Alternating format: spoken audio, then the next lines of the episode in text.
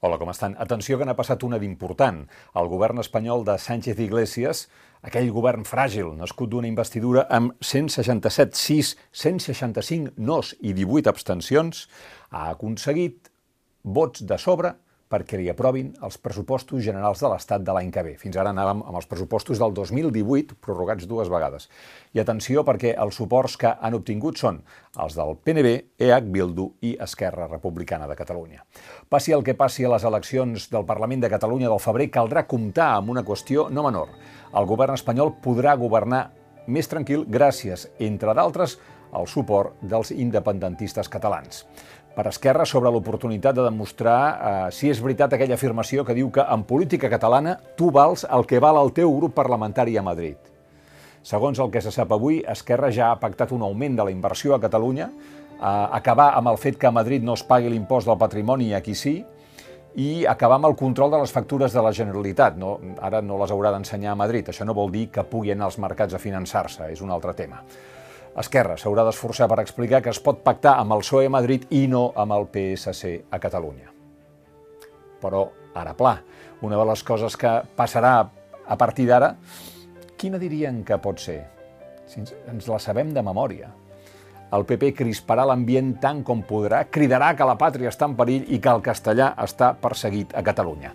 Programa Quien educa a quien, de Televisió Espanyola, dilluns passat si dejamos en manos el castellano de la gente que lo odia, que la, de la gente que promueve scratches a personas que hablan castellano, de que simplemente tú en Cataluña vas a un establecimiento y no y hablas castellano y no te atienden, si dejamos si dejamos el castellano en manos de esta gente, el castellano està perdido.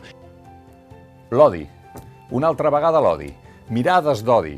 La gente que odia el castellano. Mentides colossals. Entres a una botiga a Catalunya i si no parles en català no t'atenen. Comencem a explicar-los la nostra vida, les botigues, del que passa. I qui ho diu, això? Doncs ho diu Rubén Gil, un noi afiliat a les joventuts del Partit Popular de la Comunitat de Madrid. Si aquest noi, educat en democràcia, és capaç de sortir a la tele pública espanyola a mentir d'aquesta manera sense que ningú el corregeixi, deu ser que és veritat allò que amb Espanya no hi ha res a fer.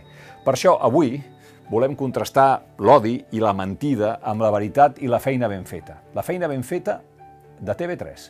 L'equip de l'Infocà, del canal Super3 i la seva editora i presentadora habitual, Laia Cervera, han sigut distingits amb el Premi Nacional de Comunicació en la categoria de televisió. El jurat dels premis ha reconegut l'informatiu del canal Super 3 per oferir als infants i als joves del nostre país un producte informatiu especial per ells, amb temes del seu interès i amb un llenguatge clar i entenedor. També han destacat que el seu valor social és incalculable i mereix una menció especial per la seva tasca des de l'inici de la pandèmia del Covid-19, durant el qual ha facilitat que infants i joves puguin accedir a una informació clara i veraç amb un gran èxit d'audiència. Per això els molesta tant allò que a nosaltres ens enorgulleix tant, com la feina ben feta, en aquest cas, de l'Infocà.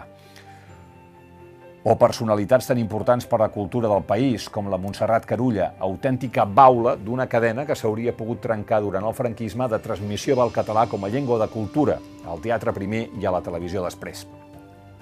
La Carulla, que és com n'hem dit tota la vida, pertanyia a una generació que va veure els seus pares perdre literalment una guerra i en va pagar un gran eh, preu personal i emocional. Aquí la tenim, en aquest plató, l'any 2015, recordant el dia que després de molts anys torna a veure el seu pare que acaba de sortir del camp d'Argelers i de la presó model.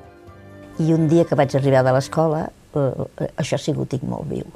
La mare em va dir, vés al terrat que hi ha que tens una sorpresa.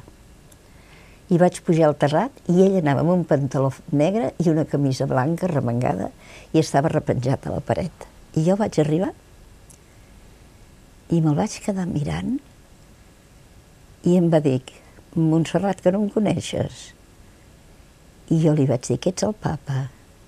Estava tan canviat, sec, negre del camp de concentració trist. Ell era un home que era un, un cascavell, era un home molt alegre. Mai més el vaig tornar a veure riure, eh?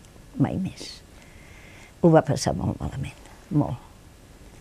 No ho sabem, no ho sabem la gent posterior, lo malament que ho van passar. Vam perdre una guerra i ens van, ens van triturar, nosaltres veiem que el pare no hi era, que la mare treballava pobreta com una desesperada, que tenia uns mals humors horrorosos, perquè, és clar no arribava a fer de més, feia trampes a l'electricitat, robava el carbó d'un- d'una d'una go- de les golfes I no tenia l'home. i no tenia l'home.